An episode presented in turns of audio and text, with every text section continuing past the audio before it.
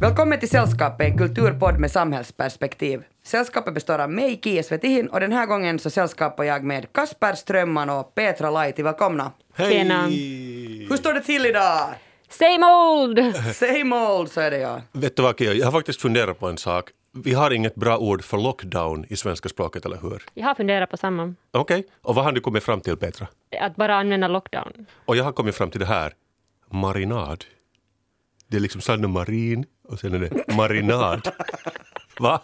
Alltså det är tråkigt att hon nu blev poster girl för det här. Men vad, vad gör man om man är statsminister? marinad.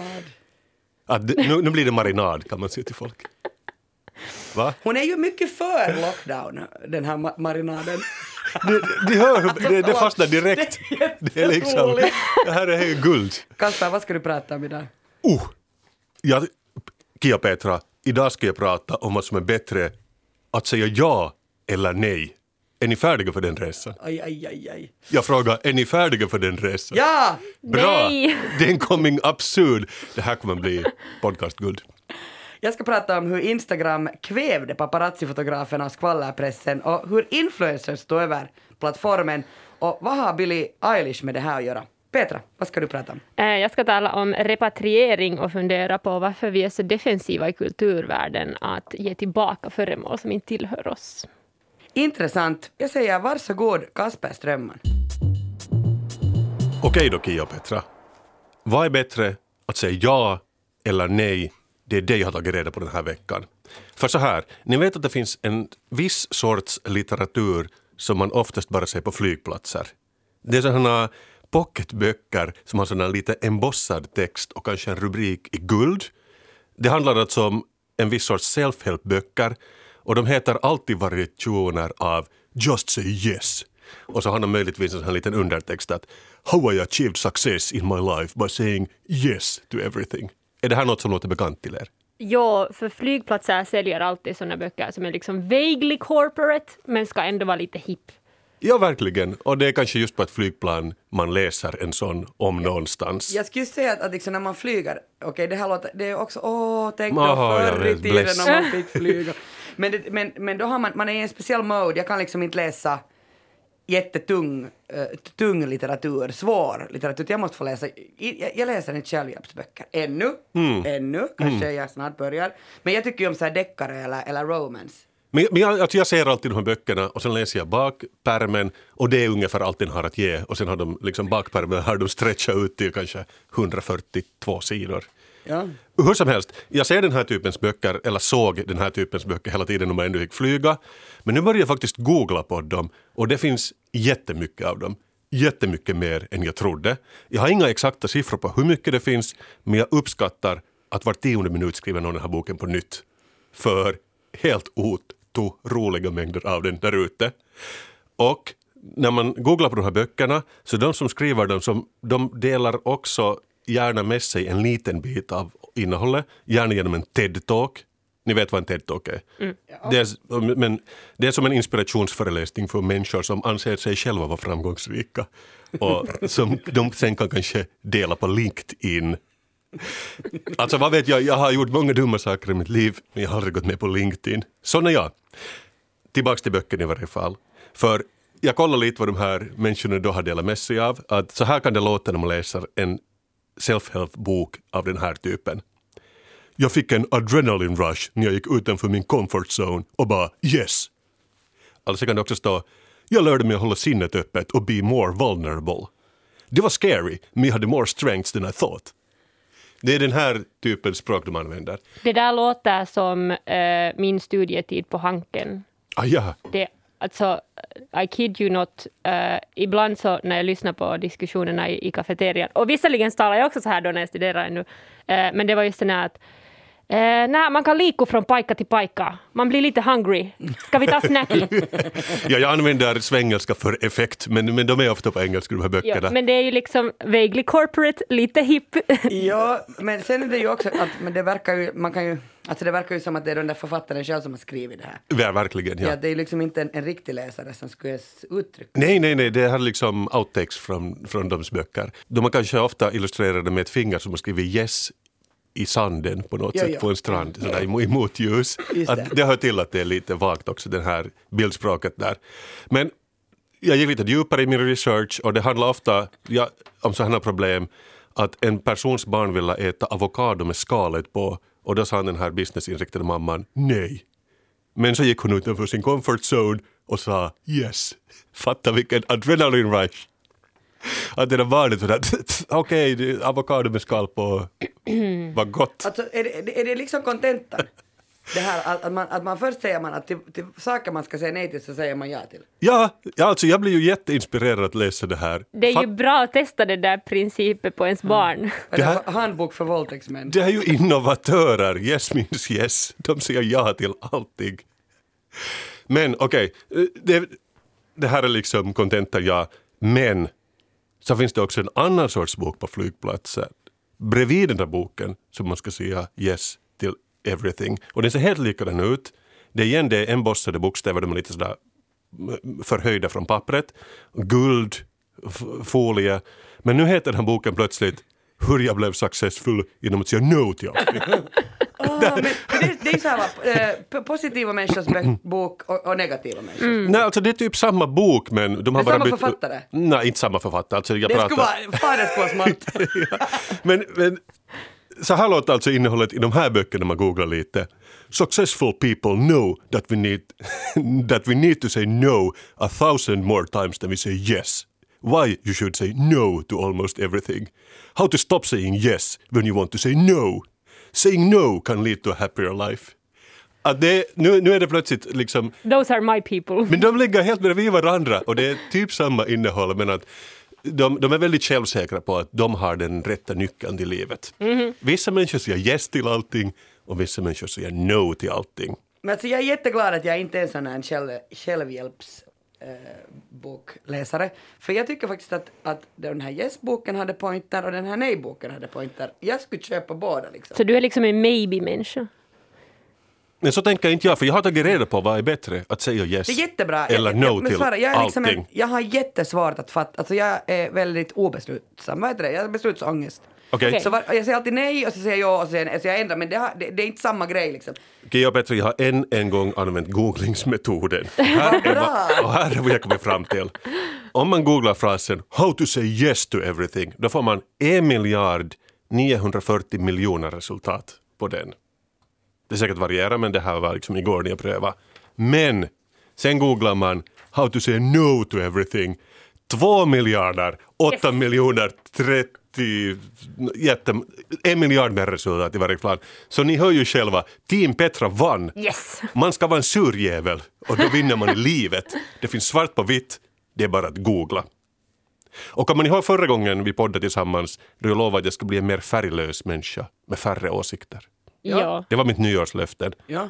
Nu ska du bli... Den planen är ännu också aktuell men nu ska jag dessutom börja säga no till alla. Jag ska börja snäsa av folk. Jag ska vara sådär riktigt tråkig. Jag ska ha beigea kläder på som inte sticker ut för mycket. Men om folk kallar dem beigea kommer jag säga no. Färgen heter kamel. Är du dum i huvudet?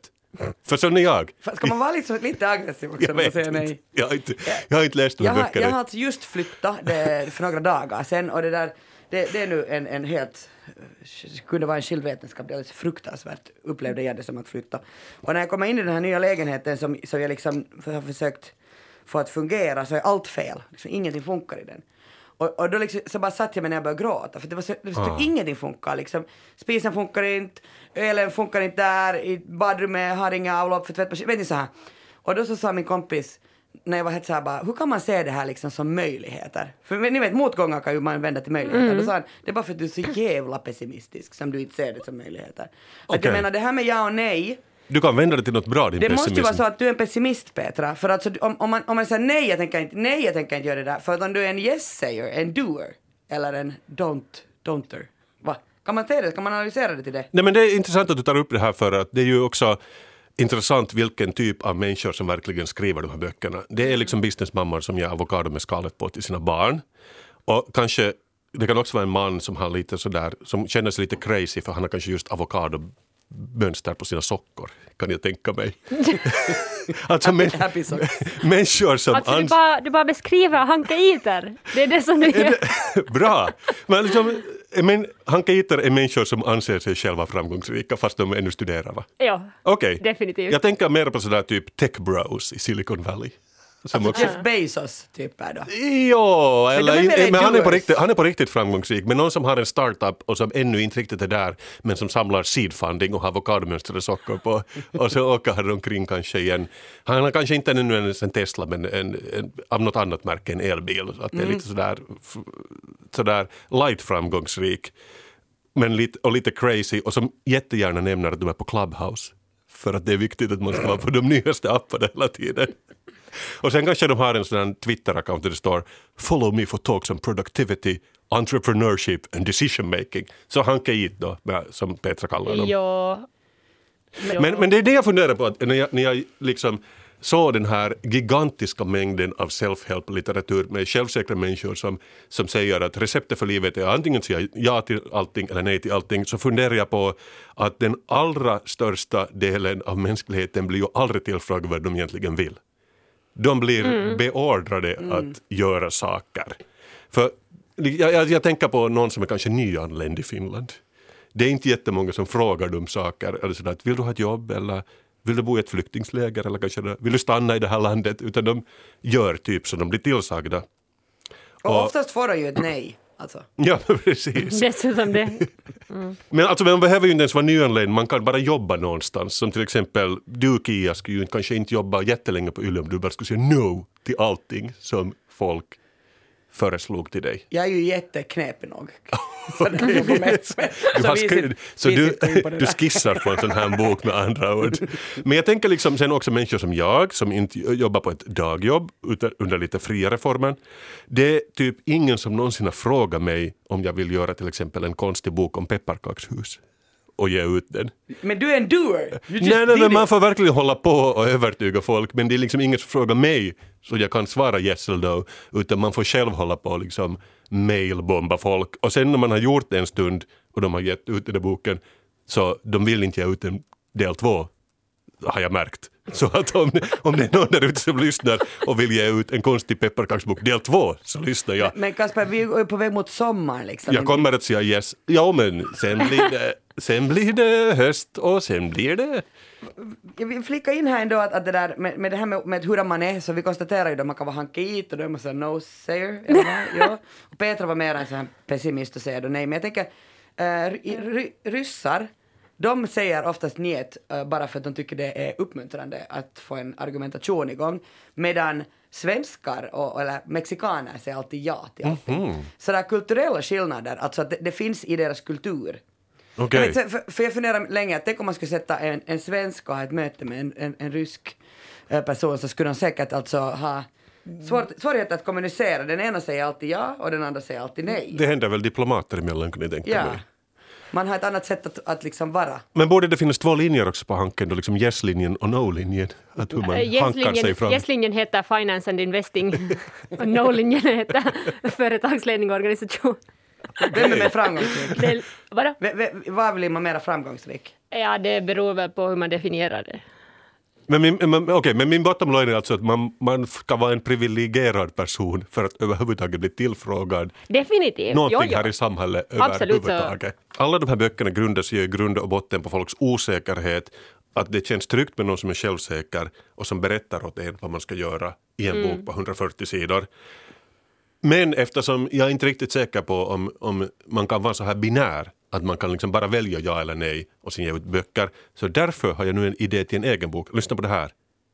Istället för att komma med de här enkla lösningarna, say yes to everything, say no to everything, mer realistiskt, man ska någon gång säga yes och någon gång säga no, beroende på sammanhanget och det är så man får framgång i livet. Så min bok kommer att heta Say yes or no depending on the circumstances and achieve success. Vad tycker ni om den? Att du inte antagligen kommer bli tillfrågad och du får skriva en uppföljare. Eller så kan den här boken bara hänka, heta How to make decisions som du var lite inne på, Kia. För det är väl det man kokar ner till, att man ska ha en egen vilja och göra aktiva beslut. Men de har paketerat det bara på ett sådär mera striking sätt och mycket guld. Det började redan under 90-talet men sen under 00-talet så tog kändiskulturen en form av så här slags kvinnofientlig dödskult. Någonstans i Hollywood så föll Lindsay Lohan ut ur en sportbil. Samtidigt så föll Tara Reid ut ur en klubb i närheten. Så berusade brudar hade happy hour över hela stan. Det var utsmetad mascara, läppstift på sned, käkar som hängde sådär lite slappt. En paparazzo gick så långt, att, eller lågt kanske jag ska säga, att han stack kameran under Britney Spears kjol när hon steg ut ur en bil. Sen lyckades han fota hennes skrev och tada, hon var utan underbyxor. Det här hände liksom, ja, där. Skiftet 90-talet blir 00-talet. Och då var det, då var det helt okej. Men det var helt okej, alla var Ja. liksom helt fine med det här. Eh, kändisarna och tabloidpressen som motiverades av ett sånt här antagonistiskt men symbiotiskt förhållande mellan kändisar, paparazzi och fans. Och vi, vi satt bakåtlutade i soffan, åt popcorn och tittade på allting med sån här tvångsmässig avsky. Under hösten så kom säsong fyra av The Crown. Har ni sett på den? Nej. Mm, jo, ser du? The noser and the yes. Ni, ni bytte ni roller. Men Lady, det handlar ganska mycket om Lady Diana och, och den här sanslösa paparazzi-jakten efter henne som slutade i en dödsolycka. Och nu drar jag den i korthet. Det är i Paris i augusti 1997. Diana är där med sin playboy Dodi Al-Fayed. Eller Dodi Al-Fayed kanske man ska säga. Mm, Jag säger Dodi, säger jag. Dodi. det hade jag glömt. Med en chaufför som är full och hög på piller och deras bil kör jättehårt in i en tunnel. Och sen, det här gör de alltså för att komma undan eh, så här nyfikna och giriga paparazzi. Och deras bil så blir förföljd av paparazzi på håll. Det är fem bilar och tre motorcyklar och två skotrar som förföljer dem liksom. Och den här Mercedesen kraschar då med 98 kilometer i timmen in i betongen. Lady Diana är död. Tio år senare, i februari 2007, så hetsar ett gäng paparazzi-fotografer Britney till ett sammanbrott där hon rakar huvud och allting sänds i realtid. Paris Hilton, drottningen av paparazzi, hon kan inte leva med dem och inte utan dem. Hon är liksom 00-talets it-girl. Det har kommit serier om alla de här. Britney Spears dokumentär, Paris Hilton dokumentär och som jag sa då den The Crown. Jo, men sen kom år 2010 och vad hände då? Jo, Instagram uppfanns. Och jag läste en jättebra kolumn av Amanda Hess på New York Times om hur tabloidstjärnan dog. Och det, det är liksom så att, att vår position förändrades på det sättet att vi behövde inte mer liksom stå och försöka kurka in genom så här svartade bilfönster till någon kändis som satt i en limousin, utan vi fick vara med i baksätet på den här limousinen. Och ju fler kändisar som dök upp på Instagram, desto längre in i huset kom vi. Först fick vi vara i vardagsrummet, sen fick vi tillträde till sovrummet, sen garderoben och till slut fick vi vara med i badrummet. Och den här kändiskulturen flyttade in och vi lyckades göra dem tama. Vi övergav paparazzin och lämnade dem där ute och, och rutna på trottoaren. Instagram gav åt oss på något sätt ett sätt att se på kändisar liksom som vi kunde närma oss både fysiskt och psykiskt. Och det är väl någon form också av det att, att liksom man, tittar, man tittar tillsammans på, på en bild och man publicerar tillsammans. Men det som vi alltså inte får se på Instagram, det är ju de här fula bilderna, alltså där kändisarna inte till sin fördel eller kanske gör något dumt, alltså det som paparazzi Mm. gjorde, att de fotar dem i verkligt liksom så här hemska positioner. Oftast ville man ju Alltså jag har läst många sådana Hänt i veckan, eller nu, nu, Här och nu, eller vad de heter, de här tidningarna, där det bara är paparazzi-bilder. Mm. Ja, Men finns de ännu? Ja, finns de ännu? Ah, okej. jag, jag tror nog det. För alltså, det finns ju inte eh, ett, ett, liksom, en full bild av, av en Instagram, eh, en kändis på Instagram om inte en själv sätter dit den. Nej, men äh, kanske sådär fake-ful att åh, reality, titta hur tjock jag är. Ja, titta jag har ingen men- makeup. ja. Men hej, eh, jag ska ge ett jättebra instatips. Ni kan börja följa det här Instagramkonto som heter Pop Culture Died 2009. Där är liksom jättehög nostalgifaktor. Där är alla de här fula bilderna på, på liksom olika eh, kändisar som, som gör bort sig. Men du pratar alltså om det att folk får mitt i allt en egen röst, att de behöver inte paparazzi eller någonting, de får själv berätta vad, vad de är upp to och Ja. liksom... Ja. Kändisarna tog liksom den där, i och med Instagram så tog de den. Och, men också poddar tänker jag, för jag lyssnar själv på den här Norel Refais och Henrik Schyfferts poddar, de som ett par poddar och man får ju nog en annan inblick när de själva berättar vad som händer än att en, den går genom den här liksom skvallerpressmallen som är alltid lite sjukt irriterande sättet de skriver på. Precis. Jag tänker just att det där, jag lyssnade helt ett kort utdrag av Barack Obama och Bruce Springsteens podd. Och där var det nog sådär att den var så jättetillrättalagd att, att liksom, där kände jag att den var för producerad, alltså det var inte äkta. Medan jag kan säga ju att, att Henrik Schyffert och Nors podd, podd podd, alltså jag har så svårt med den, men, men överlag, jag har inte lyssnat så på länge så den kanske har blivit då bättre. Men jag tänker att eh, det, där är de väl helt ärliga, att så här är det. Det känns väldigt ärliga. Eller, ja. ja. Uh, Okej, för några år sedan, två år sedan, så var jag på Ibiza och där träffade jag um, en paparazzi uh, som heter Sergio Garrido. Alltså så paparazzi-fotograf, lite på 40 år gammal, hemma från Madrid men han bodde alltid halvåret i New York och halvåret på Ibiza. Och han sa att Ibiza är liksom bästa stället i världen om man vill jobba som paparazzo. Att här är mest kändisar per kvadrat i hela världen. Han säger liksom att New York har är världens huvudstad på vintern och Ibiza är på sommaren. Att det är därför han är på de här Mm. båda ställena. Alltså när det gäller att, att hitta kändisar för att fota dem. Och han sa att, att han samarbetar liksom med flygfälten, restaurangerna, hotellerna och chaufförerna och de här kontakterna är helt A och. Alltså det är de som meddelar. Nå, nu kommer Kasper Strömman här. Åh, han har med sig Petra Laiti, kom och fota dem. när ni åker till Ibiza. Det skulle ju vara en scoop nu. Att vi åkte på semester mitt i allt tillsammans. Eh, I New York så berättade sen Sergio då till mig att han hade väntat en månad på författaren och nobelpristagaren Mario Vargas Llosa att han skulle komma ut och visa sig och till slut gjorde han det efter en månads väntande. Då fick han 89 000 euro för den bilden. Att det lönar ju sig eh, också sen då att vara så här. Men det är svinkonstigt, för, för jag, jag trodde genuint att, som du säger, jag trodde att det skvallerpressen hade dött år 2010 eller när det var när man fick liksom first hand information på allting. Men att det är ju jätteintressant att det ännu finns någon slags affärsmodell för att betala 89 000 euro till någon. Nå, när, när var det som Mario Vargas Llosa blev nobelpristagare i litteratur? Det, det är ju nog en tid sen. Ah, okej. Men alltså, jag, då när jag träffade honom för två år sedan så då jagade han Paris Hilton på Ibiza. Och det där, eh, han, var, han var helt besatt av henne men han fick bara tusen euro per bild. Hon, var alltså inte, hon är ju inte mer så känd. Eller kände hon men hon är inte, så, hon är inte Alltså hon är förvånansvärt, Billig är hon. förvånansvärt känd på Instagram. Hon har ju en av mest följare uh, i hela världen. Vilket är liksom lite förvånande att hon är en influencer. Men alltså, alltså jag har börjat fundera på, på den här dikotomin mellan, mellan paparazzi-foton och Instagram nog. För, för på något sätt så känns det som att ehm, när kändisar eh, har liksom tagit den där makten till sig själva så blir det liksom en stark kontrast mellan den här liksom vardagsglamour som de visar upp på sin, på sin sida versus sen den här greedy reality som, som då är den här paparazzi-bilden. Och jag funderar på kanske det att, att ehm, när, när de här kändisarna Eh, alltså visst, de, le de lever kanske ett sånt liv som, som många fantiserar om när de följer de här kändisarna, men att det är ändå liksom en av charmerna är ju att de ska föreställa sig vara liksom relatable liksom i mitten av den här glamören som de har. Så de har kanske några sweatpants eller så äter de Burger King i sin mansion och, och sånt. Och sen så plötsligt när de, är, de blir liksom relatable, de blir mer humana tack vare den där bilden som de själv visar upp, så eh, när tillräckligt med folk relaterar till dem i de här aspekterna så plötsligt så är det sen inte längre så kiva att se liksom greedy reality-bilder eh, när du kan relatera till den där människan, du kan relatera till känslan av att av att tänk om man skulle ta ett jättedåligt eller liksom inträngande foto på dig och publicera det någonstans.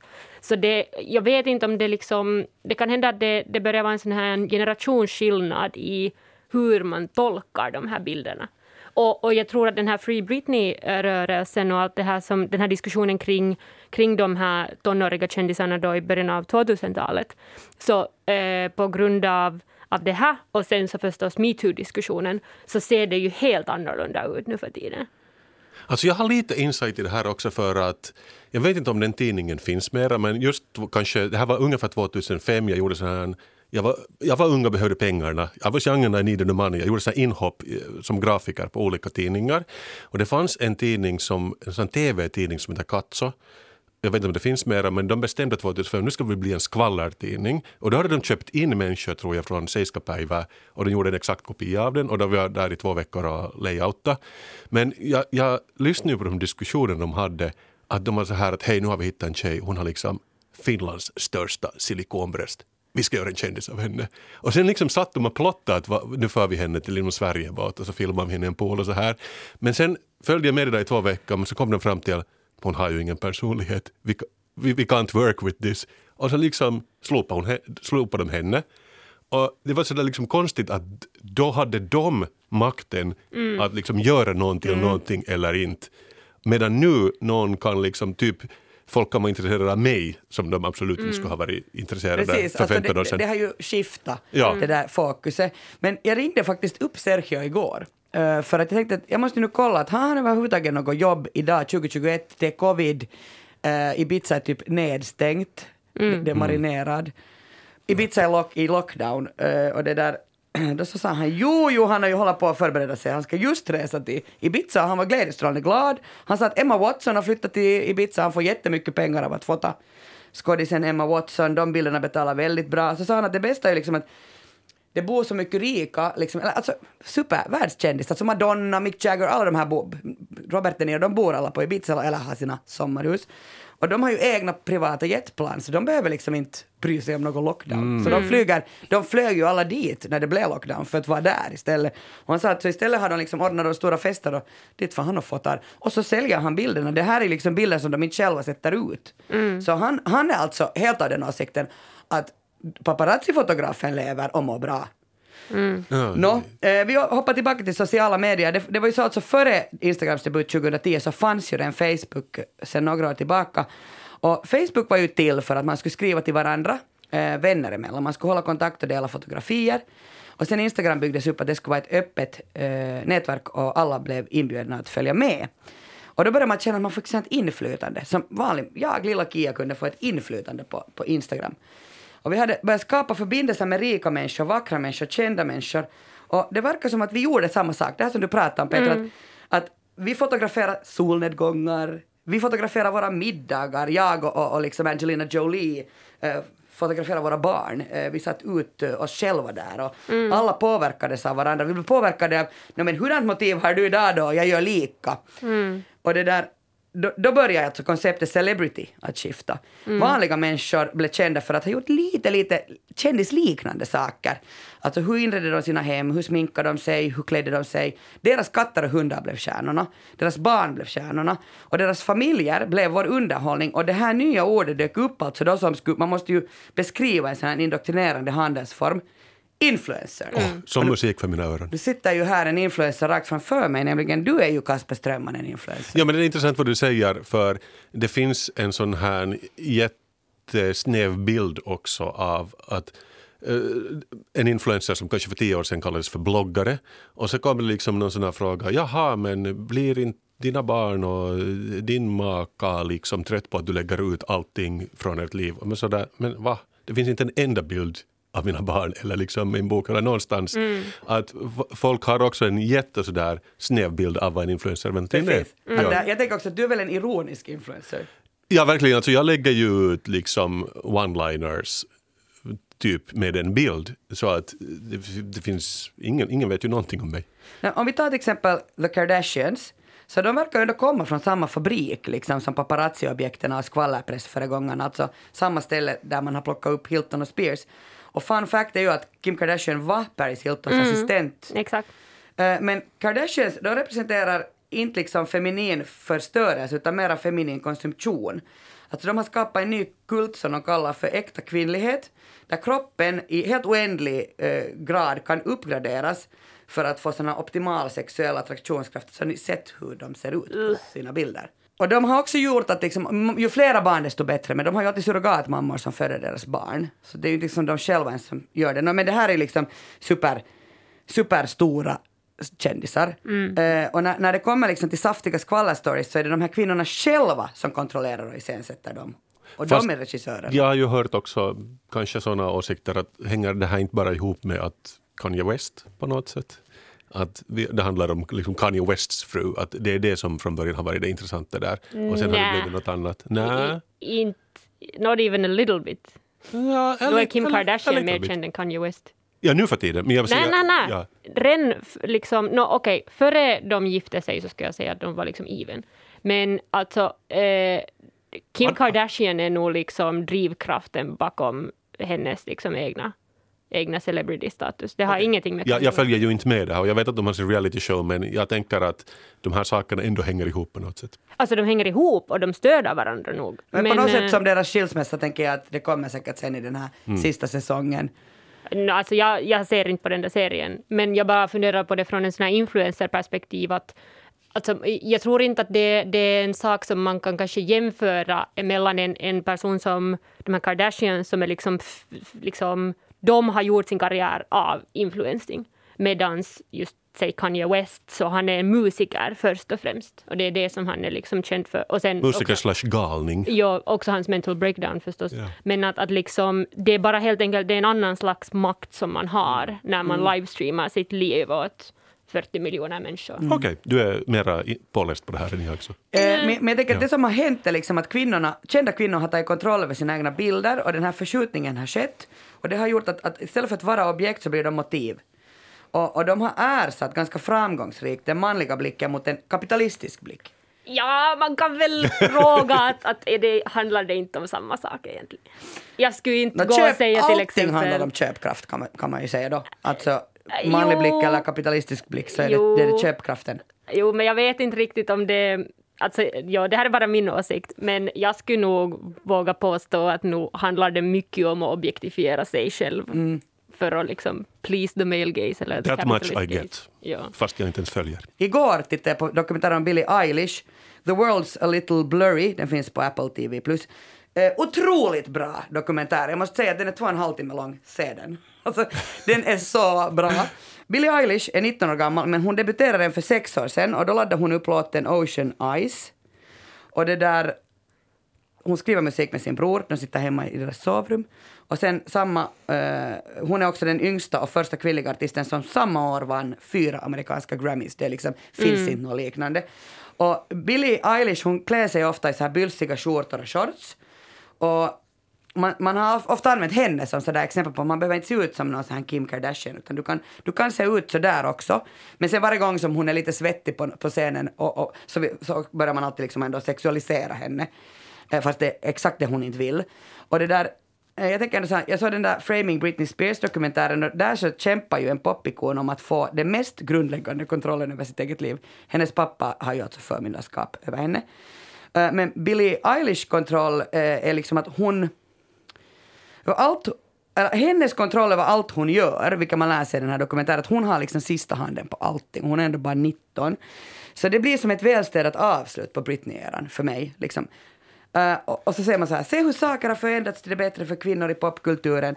Men uh, Billie, vad gäller Billie Eilish igen, så hon är livrädd för att misslyckas. Alltså hon lider verkligen av sån här imposter syndrome. Och hon har ett helt team bakom sig som hela tiden försöker se till att hur hon uttrycker sig och beter sig, så det måste vara rätt att de funderar hela tiden i femårsperioder in i framtiden, att hon inte blir cancelled. Men just det där tycker jag så inte, Billie Eilish är ett bra exempel för att, just som du säger, hon har stora hoodies och så vidare. Och då såg jag faktiskt en paparazzi-bild av henne där hon hade liksom en t-shirt på, alltså sina vanliga, quote unquote, vanliga kläder, köpte en kaffe. Och då blev det igen intressant just därför att hon är så kontrollerad. Aha, hon, har, hon äger vanliga kläder. Så, Ja. att, så att det, det, det går liksom svänger över, det, går blir, åt andra ja, hållet. Det, det Ja. blir liksom lite, det blir ju kämpigt för henne också. Jag menar, tänk att, att det här teamet, alltså indirekt och Billie Eilish, hela tiden är fullt sysselsatta satta med att riskbedöma en sån här okänd och potentiell fientlig framtid. Att i ett skede i den här dockaren så säger hon att, att jag är emot alkohol och droger. Och då är en i teamet så här, men äh, ska du säga sådär, för tänk om du vill röka på om några år. Alltså att det hela tiden måste hon väga upp, väga ner. Alltså öppenheten, eh, den som jättemånga unga stjärnor liksom naturligt och medvetet utför sådär jätteproblemfritt på sociala medier, för de är alltså så jättevana med det. Så det är ett sätt då för Billie Eilish att, att behålla kontrollen på, men det har ett pris. Och det tvingar ju henne att hela tiden överväga slipa på sitt varumärke. Och det är inte bara i den här liksom verkliga världen och tabloiderna eh, utan också online bland sina fans och sina troll, bland sina vänner och bland sin familj. Så helt som du säger Kasper så har det blivit liksom en det har blivit en annan form av bevakning, övervakning av de här unga stjärnorna. Kanske det inte finns så mycket paparazzi-fotografer som springer efter dem men det, det finns någon annan som hela tiden har ögonen på Eller så är vi ju också alla paparazzi-fotografer för det är ju inte ovanligt att folk blir fotade på stan. Alltså, själv tycker jag bara synd om Billie Eilish. Liksom, liksom, jag gillar ju hennes musik förstås, eh, men att, att jag tycker verkligen synd om henne. För att hon är så Nej, på- jag tycker det är så, för, alltså, det som jag har, jag har liksom, eh, jag har en, en fascination, över hennes intervju med Vanity Fair eh, som ligger på Youtube där de har gjort samma intervju eh, fyra år i sträck. Så de frågar samma frågor och så visar de liksom vad hon har svarat varje år. Och, och eh, man kan bara liksom se tycker jag åtminstone. Man kan se hur den där liksom ungdomen och tonårigheten äh, inte liksom går ihop med den här bilden som de måste uppehålla.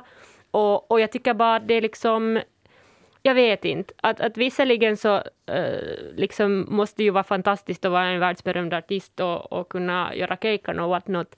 Men att, att äh, jag vet inte. Jag tycker synd om henne att hon inte får leva sin tonårighet i, i liksom privathet. När hon vann de där fyra Grammys så frågade de sådär att hej, du, skulle du vilja vinna något mer? De bara såhär nej, alltså jag vill inte. Hon vill ju inte vara känd. Mm. Hon tycker att det är alldeles fruktansvärt. Eller är det bara något som hennes team har sagt att hon ska säga?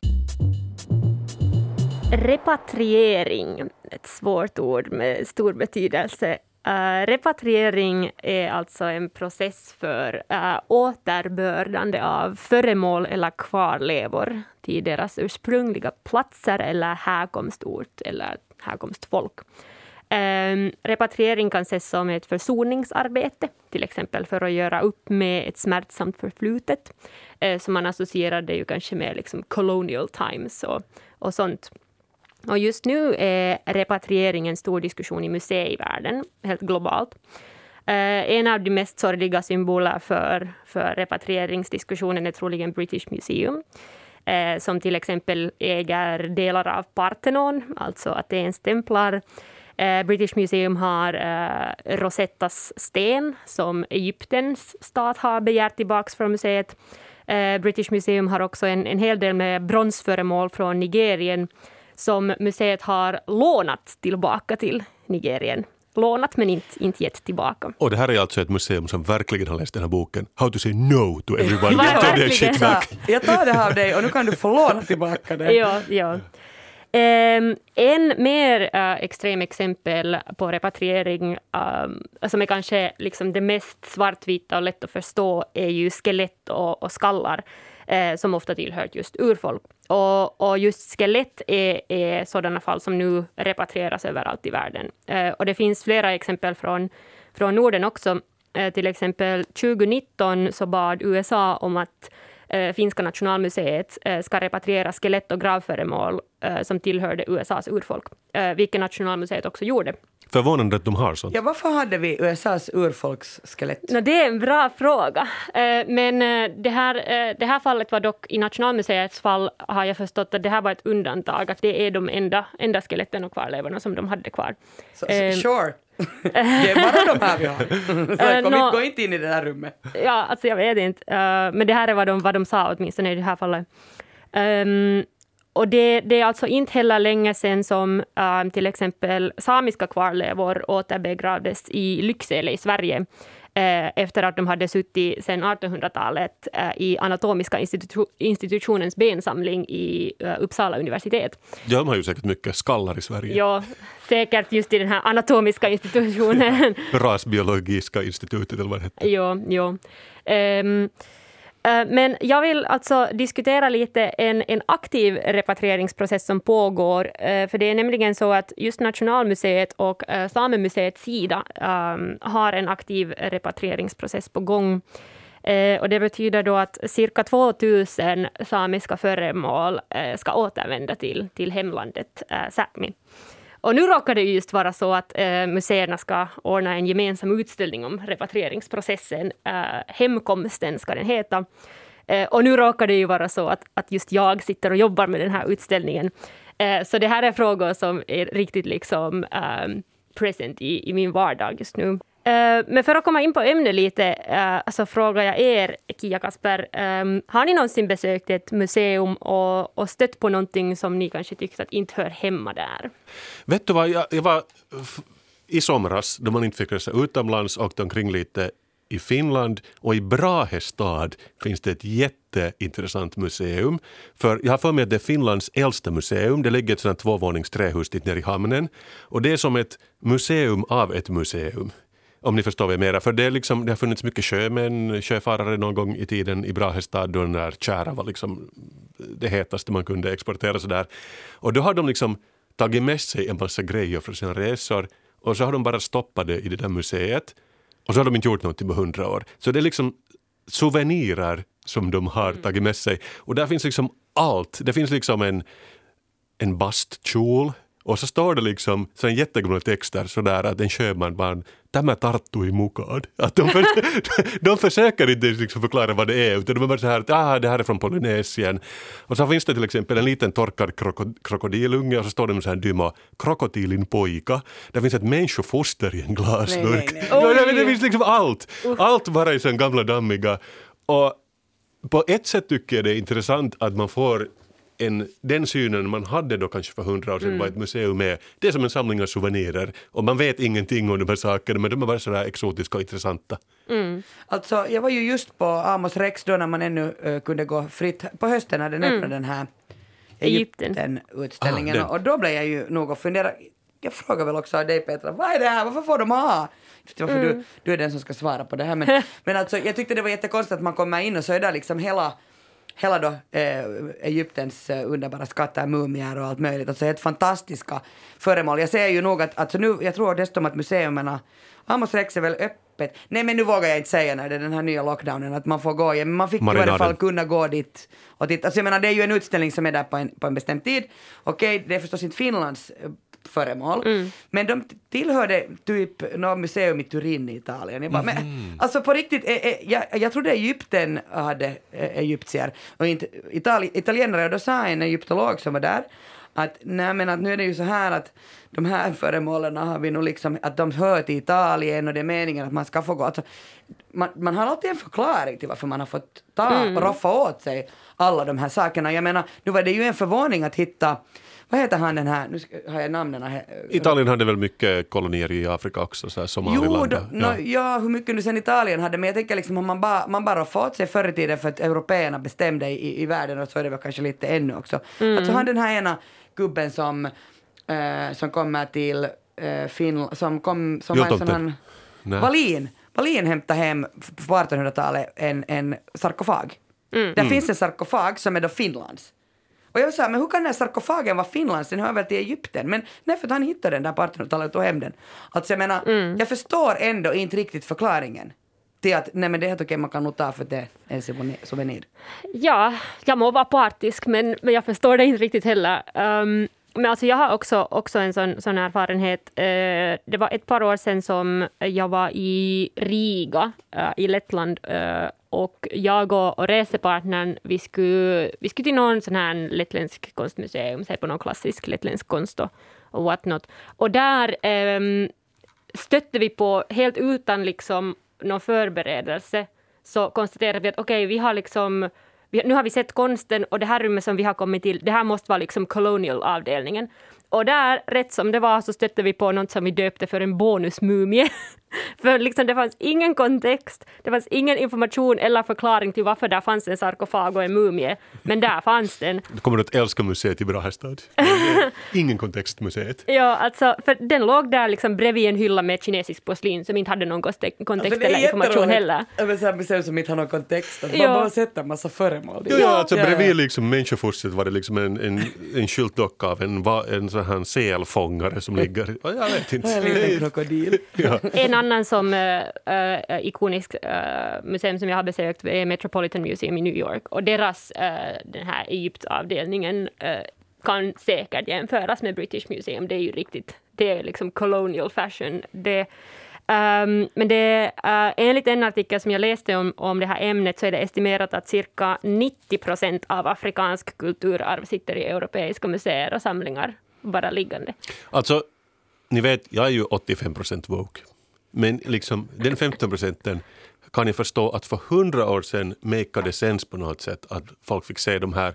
Nu när man kan googla de här föremålen så kanske det spelar ingen roll om var den där sarkofagen är fysiskt i världen. Nå, nu var jag ju på den där Amos Rex-utställningen och tyckte nog att det var jätteintressant att se Okej. dem sådär helt live och att de var så stora och att där ligger ju faktiskt en mumie, där är någon människokvarleva eller kanske Tutankhamons högra arm eller något sånt. Vi säger om tio år när tekniken har gått ännu mer framåt, man får en hologram av den här Men, men sarkofagen. Jag måste säga, nu må, må låta då partisk eller inte, men jag tycker liksom ändå att, att jag, jag kan avstå den upplevelsen och låta istället den, den åka hem till sitt ursprungsland, den här sarkofagen. Ja, det är ju någonting som, som man talar om är att, att muse, museietiken äh, är rätt äh, klar om den här saken, att man, man bör ha en positiv inställning till repatriering. Um, men alltså jag tror själv att det här har mycket att göra med den här diskussionen med att, att um, meningen och poängen av ett museum har förändrats. Att, att så som uh, du Kasper sa, så, så det brukar ju vara liksom en samling med liksom souvenirs. Mm. Uh, och det är ju så som många av de här samlingarna har uh, uppstått. Uh, också den här samiska, samiska samlingen som Nationalmuseet nu repatrierar. Um, så för en stor del så är det bara liksom på grund av att man har rest upp och köpt en massa saker. Så det har varit liksom rätt amatörmässigt att man samlar ihop de här grejerna. Um, och, men att, att, att då när det ännu har varit liksom kutym att ett museum är bara ett rum med prylar som man uppställer, så då, eh, då liksom är det ju liksom vettigt att, att då ska man ha en massa prylar för att uppställa någonting. Men sen när, när meningen med, med utställningarna har förändrats till att okej, okay, vad, eh, vad kan vi berätta om de här föremålen? Hurdana historier kan vi berätta? Och, och liksom, vad är det för nya narrativ som vi kan liksom lära eh, besökare?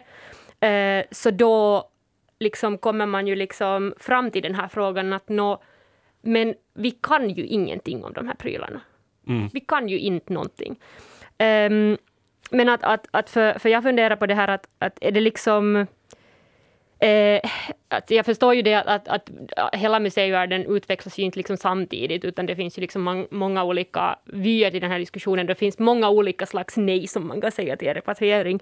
Um, men att, att är det nu fortfarande så att ser vi det här colonial kitsch liksom som, som statussymboler åt, åt museer och kulturella värden, att man ska ändå liksom ha någon slags liksom sån här bassamling av av prylar. Ja, det finns också ett, ett tullmuseum på Sveaborg som inte många vet om. Och det är ganska intressant. De har till, till exempel eh, vad heter det, Finlands första sån här snifferdog är uppstoppade står det när man kommer in. Alltså det är ju intressant de här, när du har de här, de här museerna som ingen vet om. Jag älskar sådana museer. Ja. Men de har också liksom en, en monter där. Det är, det är lite undangömt, men man hittar det nog. Och de har liksom saker de har beslagtagit i tullen alltså. Då. Och det är just vad du pratar om, det är liksom pallar som gjorda av en elefantfot och sånt. ja, och då, vissa av dem är ganska gamla också. Mm. Men jag skulle säga att det är mindre mode nu att ha en pall som gjorda av en elefantfot än det var för 50 år sedan. Mm det, tycks, det tycks vara en ordentlig liksom svängning i den här diskussionen. Verkligen. Kanske inte i, i Europa ännu, men i Norden nog. Nej, men just det för att nu för tiden inser man att okej, okay, de kanske dör ut om jag har för många pallar av elefantfötter. Att, att vi har lite mer mm. kunskap om det. Jag fick någon förklaring också med det här med, med egyptiska, eh, de här kvarlämningarna, att det handlar om att vid utgrävningarna så har västerländska firmor och företag deltagit, väster, olika länder. Mm. Och då på något sätt så är det, då är det ens, så, jag är här och gräver, det här är mitt. Mm. Mm. Och, men jag tycker ändå att det är jättekonstigt, det finns något fel i det där. Det är, alltså, alltså, det är jätteimperialistiskt. Jag tänker gå in i Petras hus och börja gräva. Men, men, också, det här är mitt. men också en, en liksom kompis som hade varit i ett museum i Egypten, så han hade den tecken på det här att kanske då för ännu inte så länge sedan så uppskattar man inte i själva landet så mycket, alla de här grejerna. Att de hade typ sån en bakgård full med sarkofager. Att I något skede hade de bara så mycket. Just pick anyone! Nej men liksom, de hade så mycket plundrade gravar att det var, låg en stor hög ute under liksom bar himmel. Mm. Så då kommer man förstå att om någon kommer och tar det så de var sådär, men, men ta, liksom, vi, vi behöver inte det här. Mm. Att det där har säkert också ändrats på några decennier. Jo, eh, och säkert så har det och Eh, jag återkommer till, det här, till den här saken, eh, men att, att för, för det har ju mycket att göra med att, att när slutar ett föremål bara vara ett föremål och när blir det en symbol för en gemensam historia? Och, och kanske så i, i centraleuropeiska länders fall eh, så ju större historia och bakgrund man har med imperialism och kolonialism, så desto um, desto mer symbolisk vikt så innebär ju den här repatrieringsprocessen. Och därför så, eh, alltså jag kan lätt säga att det är jättesvårt för uh, britter och, och italienare och, och what not att, att uh, på ett sätt via repatrieringen erkänna att jo, vår historia är byggd på exploatering och, och våld. Ehm, um, Medan i Norden så ja, samerna är kanske väl liksom en, en awkward exempel på, på Nordens kolonialistiska historia, men att, att ändå att um, det finns inte riktigt, eh, kanske i Finland ändå, en likadan sån här, um, defensiv reaktion till att varför vi borde. Och istället så handlar det uh, mer om det här praktiska, att no, men, Eh, det finns inget ställe som vi kan repatriera till och att, jo, vi, vi vet att det är problematiskt men att, att just nu så kan vi inte någonting om den här situationen och så vidare. Um, vilket är förståeligt, men det är inte, liksom, det är inte en bra orsak. Men, uh, men jag funderar på det här att när ett föremål slutar vara ett föremål, uh, så det här är liksom um, Ja, alltså det, det, är två saker som, som jag tycker är jätteviktiga att förstå i repatrieringsprocessen. Och det första är det att, att um, Uh, när, ett, när man uppvisar ett föremål från uh, ett folk som man inte tillhör och som, som man har liksom tagit det där föremålet från, så då är det jätteviktigt att, att liksom, uh, lägga märke till att hur de där föremålen är uppställda i museet och vad man använder den till och hurdan bild man visar av det där folket. Och det är ju den diskussionen som i princip föder den här repatrieringsdiskussionen, åtminstone delvis. Att så länge som de här föremålen bara sitter i ett rum så kan de ses kanske som en liksom eller någon som inte är, är liksom involverad i den här diskussionen kan se det bara som ett neutralt föremål. Men sen direkt att om man måste börja berätta liksom kontext och historia till det där föremålet, så då blir den ju någonting annat. Och jag tror ju att det hänger ihop med att föremål i sig är inte lika intressanta som de var för hundra år sedan när föremål var mera scarce överlag, liksom, mm. nu pratar vi också nya föremål, att vill man gå och se på föremål eller vill man hellre gå till ett museum, typ sådär Heureka där man får göra saker och liksom, mm. spelar ingen roll om det är en äkta elefantfot eller inte, man bara får sitta på den. Mm. Att, jag, jag, tror ju att det går mer mot upplevelser. Mm. Definitivt, och just de här, de här narrativen som vi kan bygga upp och vad vi kan lära oss från dem. Och just att eh, i Nationalmuseets och Sidas fall så är det ju liksom, eh, jo vi repatrierar föremål till, till samerna. Men eh, den där liksom större historien där bakom är ju att hur de här två folken har mötts och, och vad är liksom vår gemensamma historia eh, och vad, hur berättas den via de här föremålen. Eh, men att, att det som jag tycker själv är jätteintressant är att, att de här samernas föremål, uh, inte bara av Nationalmuseet men annars också, så under tiderna eh, så har ju använts för att förstärka en bild av finskhet liksom samekoftor och samiska prylar uppvisas som en del av finsk kultur. Bredvid det finlandssvenska snapsglaset. Ja, till exempel. Men att just att, och seglarskor. Men att just att man förstärker och, och hur man liksom, när man lämnar bort kontexten av de här föremålen, så förstärker man ju liksom en viss bild av att vad samerna är och vad fin, finskhet är. Och det påverkar ju samerna än idag. När man sen kommer till de här, till de här föremålen själva och, och varför man liksom varför repatriering och de här historierna har så mycket eh, samband. Så det handlar ju om de här att, eh, att det handlar om frågan att kan vi som västerlänningar eh, förstå eh, föremål när vi inte kommer från den kulturen som de här föremålen härstammar från. Eh, och jag hävdar att nej. Um, på grund av att till exempel um, i de här samiska föremålens fall Eh, så de här samiska hantverken till exempel och, och verktygen, så ehm, de bär ju med sig en massa liksom symboler och tecken och, och, saker som man kan läsa från det där föremålet. Att just att hur, hur den är gjord, vad den är gjord av, hurda mönster man har lagt i den och så vidare. De här, allt liksom eh, bär med sig betydelse. Och då, eh, om man inte är uppväxt i den där kulturen, så är det omöjligt att läsa de där tecknen. Att man kan inte liksom läsa det där föremålet. Jag kommer ihåg att jag var på en designutställning som handlade om olika tekniker hur man gör och där hade de lånat in ett föremål från någon äh, amerikansk ursprungsbefolkningsmuseum. Äh, det var en sån ledarföremål men att kvinnorna i den här stammen tydligen med sina tänder så gjorde de mönster på det här föremålet. Och då var det bara jätteintressant att aha, man kan också göra så. Och det, det, spelar, och det spelar liksom mindre roll att det var från den och den stammen, mm. men bara att hur ingenious liksom, människan är på något sätt. Mm. Så, att, så att då tyckte jag det var helt försvarligt att ta in det. Och de, de ägde det säkert inte. Ja, och det är liksom, men det har ju alltid att göra med den här kontexten just. Mm. Att, att om, om poängen är att undersöka olika sätt att laga föremål, så då, då hänger det ju visst ihop.